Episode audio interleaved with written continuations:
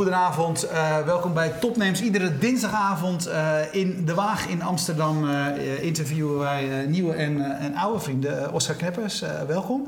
het is al bijna drie jaar geleden dat je bij ons aan tafel zat om te gaan vertellen over, over Rockstart. Want 23 maart uh, is dat, is dat uh, drie jaar geleden. Ja. En ineens gaandeweg kwam ik erachter... hé, hey, maar twintig jaar geleden heb ik je ook gesproken. Dus we, we, we, hebben een lange geschiedenis. Daar komen we straks misschien nog op.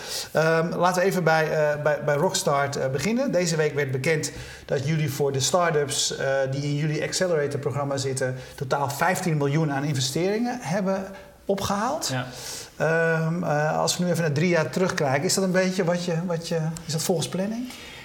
Je plant natuurlijk niet hoeveel je ophaalt. Je plant alleen wel dat bedrijven het goed doen en dat ze geld ophalen. Want onze belofte toen was en nog steeds is dat wij uh, start-ups in een periode van, uh, dat was toen nog 100 dagen, dat wordt binnenkort 150 dagen, investor ready maken. En dat betekent dat ze klaar zijn voor vervolgfinanciering. Uh, en nu terugkijken naar vier programma's zien we dat een aantal bedrijven die ook in die eerste batch zat, waar we toen bijna mee begonnen in maart 2012 heeft uh, serieus geld opgehaald. Peerby zit daar onder andere in, mm werken. Uh, en een, een, jaar later was dat uh, eh, 3D Hubs. En die hebben alleen al in oktober dikke 9 miljoen dollar opgehaald. Of bijna 10 miljoen dollar, dikke 9 miljoen euro. Pak een beetje. Ehm, dus nu begint het vrucht af te werpen. Dus ja. dat is leuk als we nu terugkijken dat je in 2,5 jaar tijd, want toen begonnen we net aan het eerste ja. programma, nu we er vier op zitten, ja, dat het wel dat het werkt. Daar, daarmee wordt ook jullie programma gelijk toch ook wel als gewoon succesvol eh, neergezet. Dat is natuurlijk hartstikke leuk om dat uh, overal terug te lezen. Ja. Uh, wat is het geheim en waarin onderscheiden jullie je ook van al die andere Accelerator-programma's? Want er zijn er natuurlijk heel veel. er zijn wereldwijd heel veel Accelerator-programma's. In Nederland zijn er eigenlijk maar twee die ertoe doen. En al die programma's, ook wereldwijd, lijken min of meer op elkaar. Dus ze doen allemaal een soort kleine investering tussen de 15 en de 25.000 dollar of euro. Uh, heel veel mentor, uh, mentorship eromheen uh, en maken die bedrijven investor ready. En hebben dan ergens tussen, laten we zeggen, tussen de 5 en de 15 procent. Nou, wij hebben 8 procent zoals de meeste. dus in zekere zin lijken ze allemaal op elkaar. En is het een kwestie van smaak of kleur waar je van houdt. En Rockstart ja, is meer start-up, net als de start-ups. We zijn van de straat, net als de start-ups. En uh, dat is ons onderscheid. Uh, we hebben geen pakken met zwarte t-shirts, een beetje die grap. Maar uh, ja, we zijn, we zijn succesvol. Maar eigenlijk zou je kunnen kijken als je nu ziet dat onze collega's hier in Amsterdam, Startup Bootcamp, die hebben zo'n beetje hetzelfde hoeveelheid geld opgehaald. Iets meer geloof ik zelfs in een vergelijkbare periode, maar dan met wat meer bedrijven. Ja, de, dus kortom, Nederland is echt wel iets aan het produceren. En dat is natuurlijk in de week waarin Nelly is aangewezen als ambassadeur best grappig om te zien dat het allemaal zo kort achter elkaar een eind rustig binnen af te werken. Ja, want wij nemen altijd vragen mee van mensen die, die meekijken. En Herman van der Beek die zei al voordat we begonnen waren, ik vraag het maar vast. Wat vindt Oscar van de aanstelling van Nelly Kroes? Ja, te gek. Dat is hartstikke fijn. Ja. Dat, dat, dat, kijk, dat, het is een teken dat het heel serieus wordt genomen. Kijk, Nelly heeft natuurlijk... Het belangrijkste van Nelly is niet zozeer wat ze weet... als wel dat ze weet wie ze moet bellen. Nou ja, dat is wat je nodig hebt. Dus je hebt gewicht nodig. En ik denk dat wij uh, in Amsterdam heel erg geprobeerd hebben... de afgelopen jaren om start-ups soort zichtbaar te maken... op de kaart te zetten naar al die woorden. En uh, dat begon aardig te lukken. Hè, zoals je de resultaten van daarnet uh, besprak. wat nu lollig is, is dat je Kijk, je hebt nog steeds wel het gevoel als je met startups bezig bent of over startups praat en met investeerders praat over start-up investeringen, dat het dan een soort leuke hobby is van een paar hipsters op de gracht met uh, baardjes en MacBooks uh, die met koffie rondlopen. Nou ja, en nu heb je eigenlijk met iemand als Nelly Kroes, die echt uh, serieus de gewicht achter en haar hele netwerk en haar geloofwaardigheid en haar internationale bekendheid, dat het gewoon makkelijker wordt voor die startups om ja, Hallo, wij zijn de start-up uit Nederland. Uh, geld op te halen, te groeien. Ik, ik, wist niet wat ik meemaakte twee weken geleden toen ik op uh, TEDx was. En Nelly sprak daar. Ja. En die ging dit ook vertellen, ja. uh, wat dan de afgelopen dagen in de krant stond. En die kreeg bijna een staande ovatie van alle jonge mensen in de zaal. Ja, dat zei dat. dacht ik, wat, wat is nou de, de grande dame, hè? Wat is nou de laatste ja, maar wat is nou de laatste? Weet je, dat is toch wel vrij bijzonder dat uh, zeg maar een, een bejaarde VVD-politica, ja. weet je wel, in een soort jonge generatie natuurlijk. Ja, nou ja, 73 is, hè, begrepen? Ja. Ja, het is natuurlijk om. Het is, bedoel, als je nou zegt, hè, ze is 73, uh, politica, VVD, nou dat is dat is oude garde.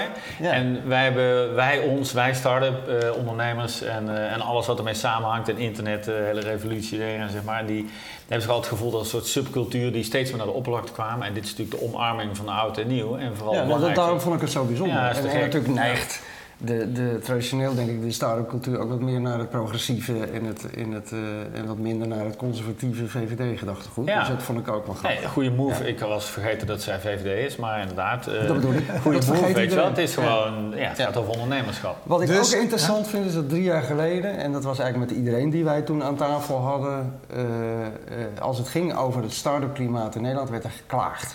Het was uh, lastig en ingewikkeld. En je kon beter naar Amerika gaan, want Nederland was, de, cultuur was niet goed en de wetgeving en uh, er werd niks gedaan. Ik heb het idee dat dat in drie jaar tijd behoorlijk veranderd is. Het lijkt wel het echte klimaat, weet je. In Nederland regent het, het is koud en je kan beter op de Cariben zitten. Van, nou, het is lekker weer en dan kun je elke dag duiken. Ja, nou, dan moet je daar gaan wonen. En ik denk dat het met alle klimaat zo is. Je, je moet ergens wat van maken. Ik woon toevallig hier.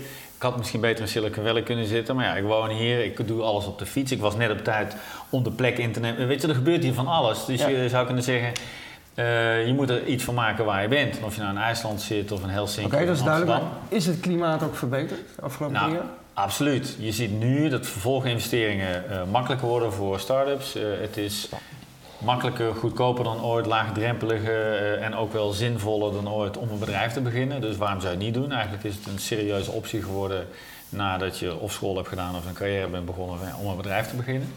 Uh, ja, ik vind het klimaat altijd goed geweest, weet je wel. Ik heb, dit, dit, is mezelf mijn, mijn, derde bedrijf. Ik heb altijd op, in ieder op tijd geld kunnen vinden om niet dood te gaan.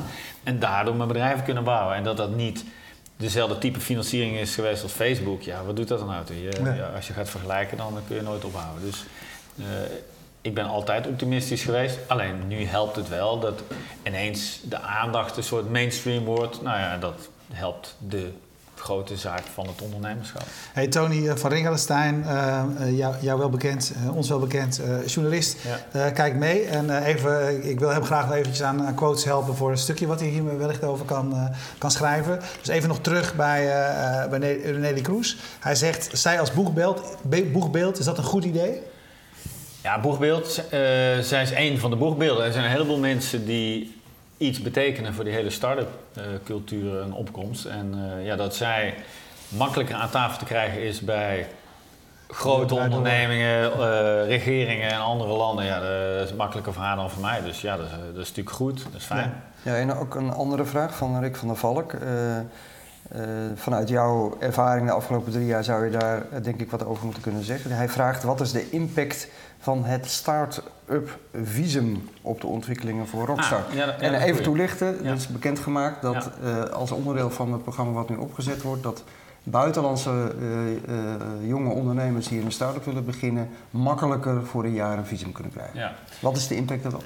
Ja, dat is een grote impact. Want die, eigenlijk staat het los van die benoeming van Nelly. Alleen het valt toevallig samen. De implementatie in januari valt samen met haar aanstelling. Maar hier zijn we al meer dan een jaar over aan het praten met uh, Rockstart, Startup Bootcamp, uh, Justitie, EZ, Binnenlandse Zaken, Expert Center. Iedereen bij elkaar, altijd gesproken over wat is er nou nodig. Want in de tijd dat wij de eerste keer over Rockstart spraken, 2,5 jaar geleden, was het nog zo dat een bedrijf kwam bij Rockstart voor de selectiedagen. Uh, werden geselecteerd en dan zouden ze drieënhalf, vier maanden later een demo day hebben. Dan kon het gebeuren dat een bedrijf uit Brazilië, niet EU, voor Demo Day terug moest naar Brazilië. Om eenvoudigheden dat ze een, geen visum hadden, maar een toeristenvisum. Dus ze moesten voordat het echte werk zou beginnen voor ze, moesten ze terug. De impact van die nieuwe, dat nieuwe start-up visum is dat een ondernemer nu een jaar de tijd heeft, als ze aan een aantal voorwaarden voldoen, ze moeten bij een echte accelerator zitten of anderszins erkend worden, een aantal labels voldoen. Allemaal heel erg uh, overzichtelijk overigens. Uh, kunnen ze, hebben ze een jaar de tijd om de, zich te bewijzen, mee te draaien, et cetera. En ja, de volgende stap is eigenlijk, oké, nou als je dus makkelijker buitenlandse ondernemers hier naartoe kan halen die langer de tijd hebben, dus meer tijd hebben, ook niet meer zichzelf 40.000 euro hoeven uit te betalen, maar veel minder als ze dat oké vinden, want dat was ook een van de problemen. Dan moest je, als je buitenland hier vestigde, moest je zelf relatief hoog salaris betalen, dat is ook niet meer. Een ander ding is, wat, wat, nog, wat nog zou kunnen veranderen, is dat je ook een start-up status zou krijgen. Dat je ook ontwikkelaars, uh, dat je developers en designers uit allerlei buitenlanden kan halen. Die ook niet na drie maanden weg moet. Ja, wat ik nog wel grappig vond, ik had het vandaag met iemand over die zei: waar is dat nou eigenlijk allemaal voor nodig? Kijk, die start-up programma's leuk, dat je Nederlandse start-ups wil stimuleren. En, maar waarom eigenlijk die focus op het naar Nederland halen van buitenlandse ondernemers? Nou, ik denk dat uh, alles waarmee je activiteit vermeerdert, is gunstig. Uh, als Hollywood een, eh, een, een, slot op de deur had gedaan uh, van ja, we moeten de Amerikaanse filmindustrie een beetje beschermen, dus laten we buitenlandse acteurs vooral een beetje daar laten. En dan was het nooit Hollywood geworden, net als Silicon Valley. Dus ik denk dat je, het, moet niet, het hoeft niet ongebreideld te zijn, maar je wil de deuren openzetten voor talent. En als talent talent kan vinden en ze kunnen samen verder bouwen, ja, dat is alleen gunstig. Dus hoe meer mensen, ik, ik heb echt dit is de tijd voor een soort ander geluid van zet de deuren wagenwijd open voor internationaal talent. hoe meer, hoe beter. Daar hebben we echt veel plezier van. Bert de Boer vraagt, eh, die zegt als, als je twee dynamische start-up perioden vergelijkt, dus die rond 2000 zegt hij en, en, en nu, uh, is, er een, is er een verschil, is een vraag. Maar hij zegt ook, je ziet nu weer de big valuations. Je zou kunnen zeggen, dus ik neem aan dat hij daarmee impliceert, zit er weer, uh, zit, zit er weer een bubbel, uh, bubbel aan te komen. Maar laten we even bij het begin beginnen. Zie jij overeenkomsten verschillen? Ja, ik heb die periode ook heel bewust meegemaakt. Ja, het belangrijkste verschil is dat er destijds hebben we, uh, zeg maar, wij, de internetindustrie, een aantal uh, projecties gedaan op de toekomst. Van nou, we denken dat mobiel en online en breedband, et cetera, dit, dit gaat, deze hoeveelheden gaat bereiken. En dat werd toen als overdreven beschouwd. Vervolgens kwamen, zou je kunnen zeggen, de verkeerde mensen met de verkeerde redenen erbij om snel daar geld uit te halen. Nou, dat heeft voor een soort vervelende bubbel gezorgd. Maar uiteindelijk hebben we een paar jaar later, kon je dat terugzien al die projecties ver overtroffen. Dus het grote verschil is dat het toen gebakken, opgeblazen, gebakken lucht leek. En bleek uiteindelijk dat statistisch gezien eigenlijk heel erg veel beter is gegaan dan we verwachten. Uh, die lesje in nederigheid, dat lesje in nederigheid wat we allemaal hebben gehad, heeft geholpen om een soort wat realistischer. Er zitten niet nu al die wannabes bij die er destijds uh, potje van maakten. Ik denk dat er nu gewoon veel meer ondernemerschap is. Veel meer echte dingen worden gebouwd en dat er hier en daar. Kijk, Oké, de overname van Instagram of andere van WhatsApp lijkt overdreven, maar in hindsight kun je zien dat bijna al die overnames voor die bedragen over het algemeen gewoon kloppen. De overname van YouTube destijds door Google, als je nu kijkt wat voor een fenomeen het is. Ja, ongelooflijk. even een vraag van uh, Herm van Beek, uh, van der Beek, sorry. Uh, sluit aan, wij zaten een paar weken geleden waren we te gast in Eindhoven bij jullie collega's van Startup Bootcamp, die in Eindhoven natuurlijk een programma hebben draaien. Eh, eh, en het viel ons ook enorm op dat focus toch vooral op hardware. Ja. Eh, terwijl in Amsterdam traditioneel wat meer de software ja. en de en internet-app ontwikkelingen zitten. En de vraag van Herm is eigenlijk, staat de bootcamp zit nu in Eindhoven, gaan jullie dat ook doen? We gaan ook naar Eindhoven, alleen we gaan, toevallig zit ik er vrijdag weer, om, niet om een hardware accelerator te doen, maar misschien ook niet eens een accelerator, maar we zien wel dat Eindhoven heeft een unieke combinatie van echt high-tech, een soort super verrijkte high-tech met een hele rijke creatieve industrie en een soort stad in opkomst. En heel veel goede industriële ruimte. En daarvan hebben wij gezegd van nou, Rockstar Spaces zou daar heel goed werken. En we hebben een plek gevonden midden in de stad waar we denken dat zou heel goed werken. Dus dat zou van ons Eindhoven zijn. Vind, vind, je het interessant uh, als, uh, in, in de zin van complementair op wat er in Amsterdam op je afkomt? Ja. Uh, want het viel ons echt op hè, in, in Eindhoven. Eind, we hadden allemaal mensen aan tafel die waren toch met echte harde technologische innovatie bezig. Ik vond het heel interessant. Eindhoven heeft gewoon een unieke blend van een aantal dingen die we hier niet hebben. Hier hebben we een hele rijke creatieve industrie en heel erg internationaal en veel expert andere invloeden en veel combinatie met grote bedrijven. Het voordeel van Eindhoven heb je en een hele rijke uh, historie van industrieel, uh, echte serieuze, goede creatieve industrie met de Design Academy en high-tech. Dus die combinatie is uniek. Maar wij gaan bijvoorbeeld naar Nijmegen gaan we een Digital Health Accelerator doen. Nou, dan zou je zeggen, ja, Nijmegen, hoe? Nou ja, daar zit, in Nijmegen daar zit, zit uh, veel talent, veel geld, veel, uh, Radboud, dus ontzettend veel innovatie. En een enorme ambitie van die regio om daar wat van te maken. En Eindhoven heeft natuurlijk heel goed, heel lang Brainport als regio ja. uh, gepromoot. Nou, dat werpt zijn ja. vrucht af. Tony uh, van Dingelstein nogmaals vraagt... wat is je favoriete Nederlandse start-up die niet bij Rockstart zit? Ja, dat is tricky. Dat had hij meer dan moeten vragen, nou ik over na kunnen denken. Oh, dan moet nou, je mag straks, je mag straks even, uh, ja. even op terugkomen. Ja. Hey, maar je, je, je, neemt nu, je noemt nu voorbeelden van wat je hier aan het doen zijn. Uh, maar volgens mij zag ik uh, een van onze ook gasten van topnames voor, de, voor de VVD en de gemeenteraad die nu naar, welk, land is het ook weer waar jullie iets aan het opstarten zijn? Want je bent ook internationaal, juist.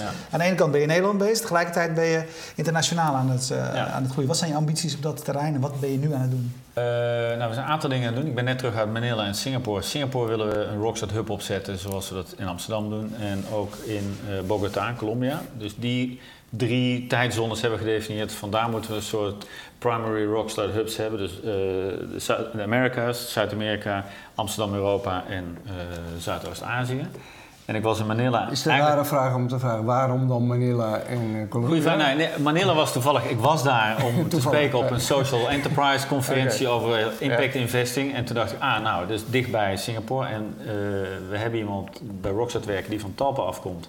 Nicky Koopman, die nu voor ons internationaal doet. En die had gezegd, als we naar Zuid-Amerika gaan, kunnen we het beste na heel onderzoek hebben, naar Colombia gaan en Zuidoost-Azië naar Singapore. Heeft daar een partner gevonden. Dus toen ik eenmaal in Manila was, dacht ik, nou, een paar uur vliegen, 200 dollar, ik vlieg er naartoe. Dan heb ik een paar mensen ontmoet en inmiddels wel. Nee, Singapore snap ik, maar dan Colombia. Ja, goeie. Nou, we dachten oorspronkelijk Zuid-Amerika, want we wilden ieder geval Zuid-Amerika. We wilden 24 uur acceleration kunnen overzien. Sao Paulo. Uh, Precies. Nou, Iedereen, als je onderzoek doet naar Brazilië, zegt iedereen Brazilië, traag, gesloten, bureaucratisch. En als je geld verdient in Brazilië, krijg je het land niet uit. Ja. Oké, nou, dat, het nadeel van onze business is, als je een licentie gaat doen in een buitenland, is nou juist het hele principe dat je het geld het land uitkrijgt en niet ja. nalaat. Uh, er is veel ambitie in Colombia. Het is een relatief stabiel land. Uh, anders dan Argentinië bijvoorbeeld. Ja, zolang je de jungle niet in gaat, geloof ik. En uh, dan zeiden mensen of Chili of uh, Colombia. Nou, we hebben toevallig connecties met Colombia, omdat Don Ritsens vrouw daar vandaan komt. Dus we wisten ook iets meer van het land. Nou ja, en toen dachten we, nou, dan worden dat. Ja, En nu is het gewoon de juiste partner vinden. Die hebben we denk ik gevonden en dan aan de slag. En uh, is, is, dus nu, nu heb je die tijdzones gedefinieerd omdat je 24 uur per dag uh, uh, actief wil kunnen zijn, zeg maar. dit is het begin van, van een veel grotere serie? Ja, ja. Ook 2,5 jaar geleden toen ik hier zat, had ik altijd het idee... Rockstart in Nederland is een beta, een prototype... om eigenlijk doorlopend al onze aannames die we hebben over wat startups nodig hebben in de wereld... om die te testen en om daar een viable business model van te maken. Nou, dat is nu. We verdienen nu geld. En dit is dan het moment om te zeggen: oké, nou, we hebben nu een paar jaar gespeeld met ingrediënten, daar hebben we receptuur van gemaakt. Nu gaan we het menu internationaal uitserveren om het dan bij die beeldspraak te houden.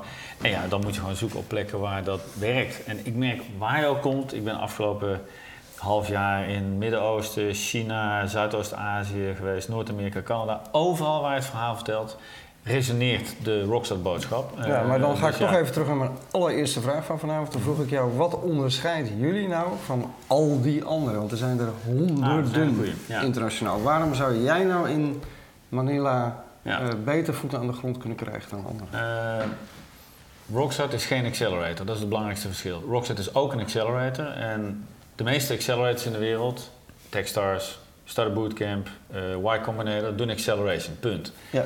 Rockset heeft altijd gezegd, acceleration is nu shit hot. Nou, dat moeten we zeker doen. Er is vraag naar, we kunnen het aanbieden en het helpt startups. Maar het nadeel van een accelerator is dat je... We krijgen eh, over de 500 aanmeldingen voor een accelerator. Dan kunnen we er 10 helpen. Dat betekent dat je er tegen de 500 keer nee zegt. Ja. Ons doel is niet om 10 belangen te verwerven. Ons doel is om zoveel mogelijk startups zo goed mogelijk te helpen. Dus wat we doen met een accelerator is 10 startups doen. En intussen met Rockset Spaces veel meer start-ups huisvesten die weliswaar niet een... Uh, even de telefoon opnemen, want Bruno, de volgende gast... Uh, ja, die, Bruno, ben je beneden, hè? Ja. Oké, heel goed. Kom maar naar boven. Ik zie je zo. Uh, Onze dus volgende gast je, komt ja. je hebt, Eigenlijk heb je... Er zijn veel meer manieren om startups te helpen. Acceleration is er één. En daarom hebben we eigenlijk heel veel andere dingen. Dus Rockstart, Impact is een Accelerator slash Academy in Nepal, die we net gelanceerd hebben, die echt gericht is op uh, impact investing. Dus echt een heel ander. Dus, er wordt ook niet een steek in die bedrijven. Dat kan ook niet als buitenlands bedrijf. Nee, we hadden vorige week nog, uh, wie hadden we, die, die, uh, die, Voor mij hadden we twee rockstars. Die zaten, nee, maar die zitten in ieder geval bij jullie in het pand. Ja, geen onderdeel, Impraise. Impraise. ja, die hebben net geen onderdeel, van, geen onderdeel van jullie Accelerator. Klopt. Wel door jullie gefaciliteerd qua huisvesting en, en andere dingen. Maar we zitten hier op de Herengracht, zitten 50 bedrijven bedrijven uit 25 landen, 200 mensen. Uh, en daarvan hebben we denk ik in 15 bedrijven een steek via de accelerator. Dus we kunnen daar al meer bedrijven helpen. Als je Rockset Answers ziet, hebben we al heel, dus een, een evenement kleinschalig evenementje, wat we inmiddels heel vaak hebben gedaan. Daarmee kun je weer start-ups op een andere manier helpen. Rockstart on Campus, wat ik nu aan het voorbereiden ben, dat is eigenlijk dat wat we doen uh, in een andere blend op universiteitscampus te doen. Zodat, nou, en dat is eigenlijk antwoord op je vraag. Wat maakt Rockstart anders is dat Rockstart, nou ja, een rotwoord, een one-stop shop is voor startups waarin we eigenlijk alles kunnen aanbieden wat startups nodig hebben. Niet alleen acceleration. Oké, maar dan even terug naar je businessmodel. Ja. Uh, dat zit natuurlijk wel voor een groot gedeelte in die accelerator. Want daar verwerf je je belangen. Nee? Ja, maar kijk, uh, tenzij we elke week een uh, exit zouden hebben, zouden we daar brood van kunnen kopen. Maar je kan natuurlijk niets kopen van een nee. papieren belang wat is gestegen in waarde. hoe verdien je dan je geld? Oké, nou, die accelerator, dat is feitelijk een fonds. We halen geld op bij mensen met geld. Ja.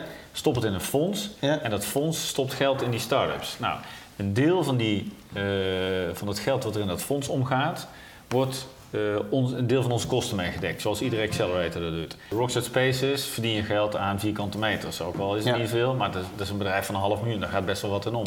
Ja, dat is uh, gewoon dat pand huren jullie. En... We huren het, we verhuren een deel, uh, daar verdienen we een klein beetje aan. Dat is allemaal vrij minimaal, maar uiteindelijk is het samen levert dat op. Uh, evenementen heb je sponsoring, gewoon een mediaactiviteit zou je kunnen zeggen. Als je heel veel evenementen doet en je brengt mensen bij elkaar, dan vinden grote bedrijven als KPMG het interessant om dat te sponsoren. Ja, binnenkort hebben jullie zo'n de hackathon. Uh, Bitcoin hackathon? Bitcoin hackathon bij jullie geloof ik. Ja, Nou ja dat zijn dat soort evenementen. evenementen. Nou, daar verdienen we ook een beetje aan. Kijk, en startups betalen zo goed als niets voor evenementen. Corporates betalen zoveel mogelijk. Een soort Robin Hood constructie waarbij we veel verdienen aan de corporates, zodat we het voor de startups zo goedkoop mogelijk kunnen maken. Die corporates komen weer naar ons toe die zeggen: Kunnen jullie ons niet helpen met leren denken als een start-up? Want het lukt ons niet met innovatie. Ja. Daar kun je ook weer heel veel geld voor rekenen. Ja, dat, is ook weer een businessmodel. En uiteindelijk zijn al die middelen die je hebt ontwikkeld waar je de kosten een beetje mee kan dekken, is eigenlijk een basis voor licensering. En dat is eigenlijk gewoon wat je in televisie ook kent, uh, gewoon licensing. Daarom had je die Talpa-man heb je natuurlijk echt graag bij. Want die weet natuurlijk alles, uh, Talpa vrouw, alles, van, voor, alles van formats en, uh, en internationaal uitrollen, et cetera. Ja, en zo zit Talpa volgens mij ook fix in de, de Games for Health, onze Games for Health vrienden verderop. Ook vanuit het idee rechten, rechten verzamelen, et cetera. Um, hey, even kijken hoor. Wanneer is het ideale stadium, vraagt Wouter Veenboer, qua timing, voor een start-up om aan te sluiten bij een een accelerator, kan je te vroeg of te laat zijn? Nou, wij houden zelf aan, een bedrijf moet jonger dan duizend dagen zijn, willen wij ze kunnen helpen. Dat is een soort limiet die we ooit hebben gesteld. Niet de mensen die er werken uiteraard, maar hè, de bedrijfsleeftijd moet twee à drie jaar zijn. Onze definitie van start-up is jonger dan twee à drie jaar. En dan kunnen wij het meeste waarde toevoegen. Dan zijn de mensen flexibel genoeg om al die aannames die ze hebben, die doorlopend worden gechallenged door ons en onze mentoren, om daar op in te kunnen gaan. Uh, als een bedrijf vijf jaar bestaat, zijn ze vaak te groot of te star of te veel op een pad. En dan is het lastig om ze uit een comfortzone te halen. Dus ik denk dat de ideale tijd is. Je, kijk, je moet een team hebben. Niet in je eentje, maar liefst twee à drie man. Uh, je moet een product hebben of een dienst. Het liefst een beta of een prototype. En als het even kan, één of twee klanten. Zodat je al een heleboel aannames hebt kunnen testen. Die we vervolgens uh, ja, tot de grond kunnen afbreken om het weer opnieuw op te bouwen. Dat is eigenlijk de, de grote kunst. En dan ook niet te oud. Nou ja. hey, wat heb jij die, eh, die afgelopen uh, bijna drie jaar geleerd? Je zei het al, je hebt eerder al twee bedrijven en dat mooi opgebouwd, et cetera. Maar dat, was dat niet al, hè, waren niet per se zeg maar start-ups zoals je, waar, waar je nu mee bezig bent. Wat heb jij geleerd van die start-ups? Ja, ik gebruik ik kom net van een presentatie af die ik eerst in Rotterdam heb gegeven. Ik, heb, uh, ik gebruik de vijf Rockstar mantra's als de les die wij van startups leren. Dus de eerste is step forward start. Gewoon ga beginnen. En nou, een andere mantra is stop talking, start building. En een van de laatste, de vijfde is... Uh, allemaal open deuren als je er helemaal in zit. Maar voor grote bedrijven, zoals ik dat vanmiddag heb gepresteerd aan de, de leasebranche is dat allemaal een soort super inzichten. Keep up en keep going. Het zijn van die dingen die eigenlijk de hele simpele one-liners om eh, dat wat startups in de praktijk brengen, over te brengen op anderen. Dus wat ik leer is ja, gewoon beginnen. Stop talking, start building is denk ik voor startups een hele belangrijke. Businessplannen ook niet veel tijd aan besteden. Ga de lean canvas uh, invullen van het boek uh, The Lean Startup van Eric Ries, een soort bijbel voor startups. Ja, ja. En, uh, en begin. Gewoon wacht niet te lang met de oude hoeren. Ga gewoon beginnen en dingen bouwen. Hey, um, eerder hadden we het over het klimaat of het vermeende klimaat. Maar er zijn natuurlijk altijd mensen geweest, in welk klimaat dan ook, die met mooie nieuwe initiatieven uh, uh, komen. We spreken hier ook wel eens over, uh, over onderwijs. Um, kun, je, kun je daar iets over vertellen? Worden, zeg maar, worden Nederlanders inmiddels al voldoende opgeleid voor het ondernemerschap? Weet je niet? Dat weet ik eigenlijk niet. Nee, ik heb zelf ben ooit aan journalistiek begonnen en uiteindelijk via een omweg uh, hierin beland. Maar ja, je hebt een soort ja, een paar dingen nodig. Risico durven om. Ik, ik, weet niet of je echt opgeleid kan worden, maar uh, je hoeft ook niet geboren te worden als ondernemer. Maar je moet een paar eigenschappen hebben die niet al te moeilijk voor je zijn, zoals risico, volhouden. Nou ja, allemaal open deuren. Maar opleiden voor ondernemerschap, weet ik niet. Nee. Hey, um, eigenlijk voordat je, uh, dat, dat Rockstar dit werd, was je eerste plan was, je, ging, je, zou, je zou een soort documentaire gaan maken. Ja. Ben je nu inmiddels in de fase dat die alsnog kan gaan komen? Toevallig komt er deze week een, in, iemand van de redactie van een documentaire maken twee dagen meedraaien om te kijken of dat nou de moeite waard is om een documentaire te maken. Uh, toen wilde ik het zelf doen. Ik dacht, ah, laat ik eens wat anders doen. Een documentaire waarom ja. niet. En het was ook een beetje het oude media denken van als je nou een documentaire hebt als grote drager van de, de van de boodschap om het evangelie van Rockstar te verspreiden, dan heb ik wat. Alleen ik kreeg die poen gewoon niet bij elkaar. Niet eens 1 euro. Laat staan 7,5 ton die ik dacht nodig te hebben. Ja, ja, nee, ik had er nooit een documentaire gemaakt. Dus, ja, ik, dat zie ik dan wel weer. Als ik geld heb, dan zie ik het wel. Uh, nu zou je kunnen zeggen, is het, is, ja, er is elke dag eh, is er wel een documentaire te maken als je bij ons rondloopt. Dus ik, ik verwacht wel dat er een keer wat uit gaat komen. Ja. Ja, wat, is, wat is bij, uh, je, net werd gevraagd, wat vind je de meest interessante start-up die niet bij jullie zit? Laten we even beginnen met, wat, wat is nou echt een ongelooflijk opmerkelijk verhaal. Wat, welk verhaal vertel jij het liefst van de start-ups die je tot nu toe uh, binnen hebt? Bij ons? Ja. Nou, een van de dingen die het meest voorkomt in de publiciteit zijn natuurlijk Peerby en 3D Hubs. En, maar uh, en Peerby is ook een mooi verhaal, want het is niet alleen omdat het een soort... Nou, vertel even, ja, voor wie het niet weet. Echt het mooie van Peerby, dat heb ik zelf ook geleerd toen ik ze beter leerde kennen. Stel nog even wat ze doen, het buurt. Oké, okay, Peerby is uh, huren bij de buren. Het is eigenlijk lenen bij de buren, maar niet huren. Je leent ik heb, spullen Ik heb vandaag nog mijn ladder uitgeleend via Peerby. Ja. ja, wat je allemaal al niet kan lenen. En dat is al binnen een half uur ook nog doen. Uh, en dan 300 meter verderop. Ik heb toevallig voor mijn zoon een iPhone 4 op een gegeven moment gehaald op de hoek omdat die stuk was en moest opladen, et cetera, voor een reep chocola.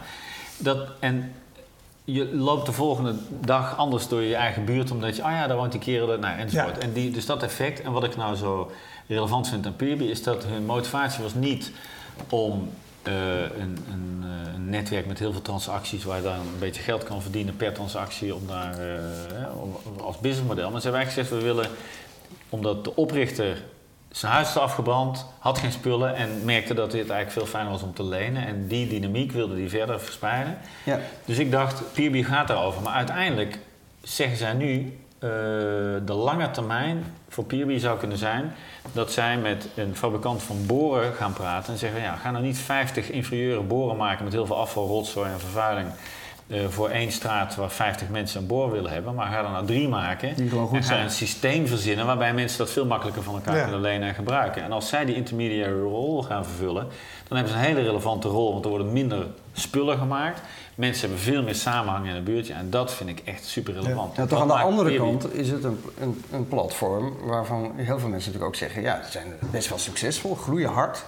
Uh, maken stappen internationaal. Maar nog, uh, nu noem jij weer een voorbeeld van welk businessmodel ze zouden kunnen gebruiken. We Wat ik al een paar mooi vind van Peerby... Ze verdienen geen cent. Nee, maar so what? Weet je wel? Ze verdienen geld met uh, prijzen en met investeringen. Want kijk, een start-up is een klein experiment met hele grote risico's op zoek naar een businessmodel wat past. Nou, in dit geval is Peerby een, een zingend voorbeeld daarvan. Ja. Zij gaan een businessmodel vinden. Dat staat wel vast. Zij hebben iets waarvan iedereen die ermee te maken heeft... Maar het is heel on-Nederlands, hè? Om, nou, in, in Silicon Valley zegt iedereen dat gewoon... eerst bereiken en het businessmodel, dat komt wel. Maar in Nederland is het, is het toch... Ja, de, is dus bewijs dat je daarvoor niet in Silicon Valley hoeft te zitten... maar dat het wel degelijk werkt. En, en, ja, en Peerby is echt een hyper-Europees product. Want iedereen in het buitenland, ik was met Piri in China, en dan zegt ja. iedereen, oh, dan werkt hij nooit, want niemand vertrouwt elkaar hier. Maar dat horen ze in ieder land. Het grappige was, dat zijn inderdaad, ja. Arthur van het Hof, uh, Nederlander in, Amer in, in, in, Amerika natuurlijk uh, zeer actief. Toen hij over dit, verhaal, ja, over dit verhaal hoorde, zei hij eigenlijk precies hetzelfde. Het gaat nooit werken in Amerika, maar als je met Peerby praat, dan zijn namelijk, ik geloof, in, in New York hebben ze, hebben ze al heel succes, succesvolle dingen die eigenlijk al Ik zou bijna zeggen, uitgerekend, uitgerekend in plaats als New York en Californië Californië trouwens ja. heel wel zou het volgens mij heel goed kunnen werken. En uh, inderdaad, mooi als ik moet er even aan denken, want ze vertelt ook altijd het verhaal dat de gemiddelde uh, boor, die wordt geloof ik 10 minuten, 10 minuten is 13 minuten per jaar is gebruikt. Nou ja, dat is ja. Ja. ja, dat is inderdaad... Uh, ja. ja en we hebben er allemaal een. Ja, ja. ja, nou wat ik nog het leukste van Peerby vind, maar we dwalen een beetje af, maar het is wel een heel mooi voorbeeld natuurlijk de mensen die over de vloer krijgt. Want ik, ik vind het gewoon heel leuk om te doen. Laatst was er een gast die vroeg voor een, een Super 8 filmprojector. Want die had, speelde in een band en had de drummer die had allemaal oude films van zijn overleden vader gekregen.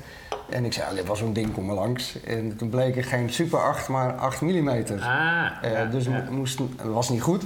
Maar die heeft een uurtje bij me gezeten en een kopje thee. En een prachtig verhaal over zijn band. En, uh, en, dat is, maar dat, en dat is een van die subdoelen die dan een soort verstopt zijn. Maar die, dat is echt sociale samenhang in, in een omgeving helpen creëren. Ja, ja. Nee, klopt. Dat kunnen we inderdaad... Maar goed, Peer, prachtig voorbeeld. Zo zijn er vele. Uh, maar heb je inmiddels al een andere voorbeeld? wat buiten jullie, wat buiten jullie speelt? met Submarine kom ik niet weg. Hè? Nee. nee, nee, nee. Voorbeelden, eh, wat wij, wij horen alleen maar de dingen die succesvol zijn. Uh, uh, noem maar eens eentje die net binnen is of die dit jaar in het programma zit waarvan je zegt, nou daar heb je nu misschien nog niet van gehoord, maar let op. Uh, in ons huidige programma. Nou ja, er is bijvoorbeeld één club die zat in het programma eerder dit jaar, het Smart Energy programma. Mm -hmm. er zijn er eigenlijk twee. We Share Solar, hele goede. Die, die zeggen ja, plaatsen als Amsterdam, maar New York is ook zo'n stad je hebt veel meer mensen, woningen dan daken. Dus je, hebt eigenlijk, je kan niet uh, een dak beleggen met zonnepanelen.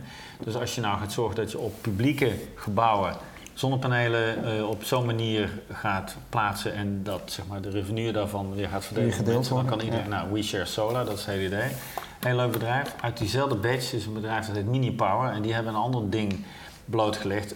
Heel veel windmolens worden, terwijl ze nog in topconditie zijn, afgebroken. Ja, dat las omdat een nieuwe goedkoper is om ja, gesubsidieerd te worden. Vervolgens wordt die oude op de scrap heap gegooid. en die gaan uh, zij inzamelen. Nou ja, dat is echt gênant. En dat is hetzelfde als gewoon een hele goede Mercedes die naar Griekenland verdwijnt. En zij, toevallig ook Cyprus, Griekenland, Turkije.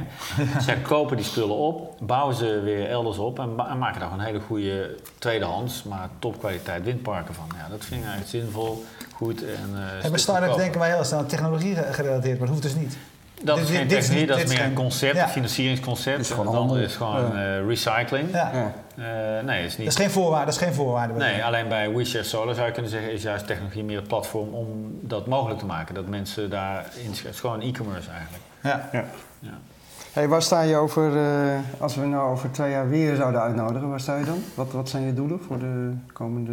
Ja, alle, alle tijdzones wel een Rockstad Hub hebben.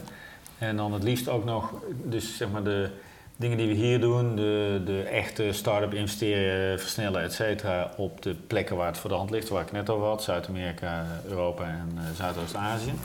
Maar het liefst ook in heel veel plekken in Zuidoost-Azië en Afrika en Azië om Rockset Impact verder te spreiden. Dus dat, daar gaat weinig geld aan om, daar verdienen ook niet zoveel aan, maar dan kun je heel veel ondernemers verder helpen met de principes die wij hier toepassen op snel groeiende Weet je wel, uh, innovation-driven, tech-oriented, globally scalable companies. Die kun je daar eigenlijk doen waar het meer impact-oriented is. Wel innovation-driven, maar dan locally scalable. Waarbij je veel meer ondernemers kan helpen. En dan denk ik dat we goed bezig zijn. Er stond nog één vraag van Herm van der Beek. Die zegt, Nederland kent inmiddels veel start-ups. Maar op snelle groeiers uh, scoren we matig. Wat is daarvan de oorzaak? En ik neem aan, hè, als je, als je de, de, gemiddelde presentatie op een... Uh, op een uh, Singularity uh, da, University dan krijgen we alle Ubers, alle Airbnb's, uh, et cetera, krijgen we voor ons te kiezen. Hè? Bedrijven die in heel korte tijd heel groot worden. Ja. deel jij die, die, die, nou, die, die, die conclusie? Is, het zo dat we op het gebied van snelle groei... Nou, iedereen noemt dit, iedereen zegt, dit is, ik weet niet of dat nou Nederlands is, maar die zegt dan, ja, kijk maar naar Uber en Airbnb. Maar ik hoor ook alleen maar Uber en Airbnb. Ja, hoeveel zijn er nog meer, Facebook en Apple. Nou, Apple is echt al mijn halve leven bezig. Uh, dus dat valt dan mee met die enorme batterijen en snel groeien. En zeker als je naar de concentratie kijkt in Silicon Valley met het aantal bedrijven. Zoveel snelle groeiers zijn er niet per se bij. Uh, en Booking en TomTom, ja, zijn toch best wel miljardenbedrijven. Die zijn best wel hard gegroeid. En ja. dat zijn er dan slechts twee in Amsterdam, maar dat zijn wel techbedrijven. Dus nou, ja, het is bij de buren altijd mooi. Oké, dan sluiten we af met een compliment van Raymond van der Klein. Die vindt dat je een mooi horloge om hebt. Dat komt omdat hij bijna hetzelfde heeft, maar dan iets mooier. Oké, dat is super. Oscar, bedankt. En uh, nou ja, wij, wij, blijven voorlopig dit programma maken. Dus we hopen jou ook graag weer hier, uh, weer hier te zien. Hey, dankjewel. Jullie bedankt voor het kijken. Blijf, uh, als je live nu kijkt, blijf natuurlijk kijken. Zo direct Bruno Felix van Submarine. we danken Streamzilla die het mogelijk maakte dat je nu live meekeek. En kijk via fastmovingtargets.nl of ons YouTube-kanaal voor ons grote archief. Dankjewel, tot zo. Dag. Zit jij, ben, ben jij ontkoppeld? Oh ja, nee, nee.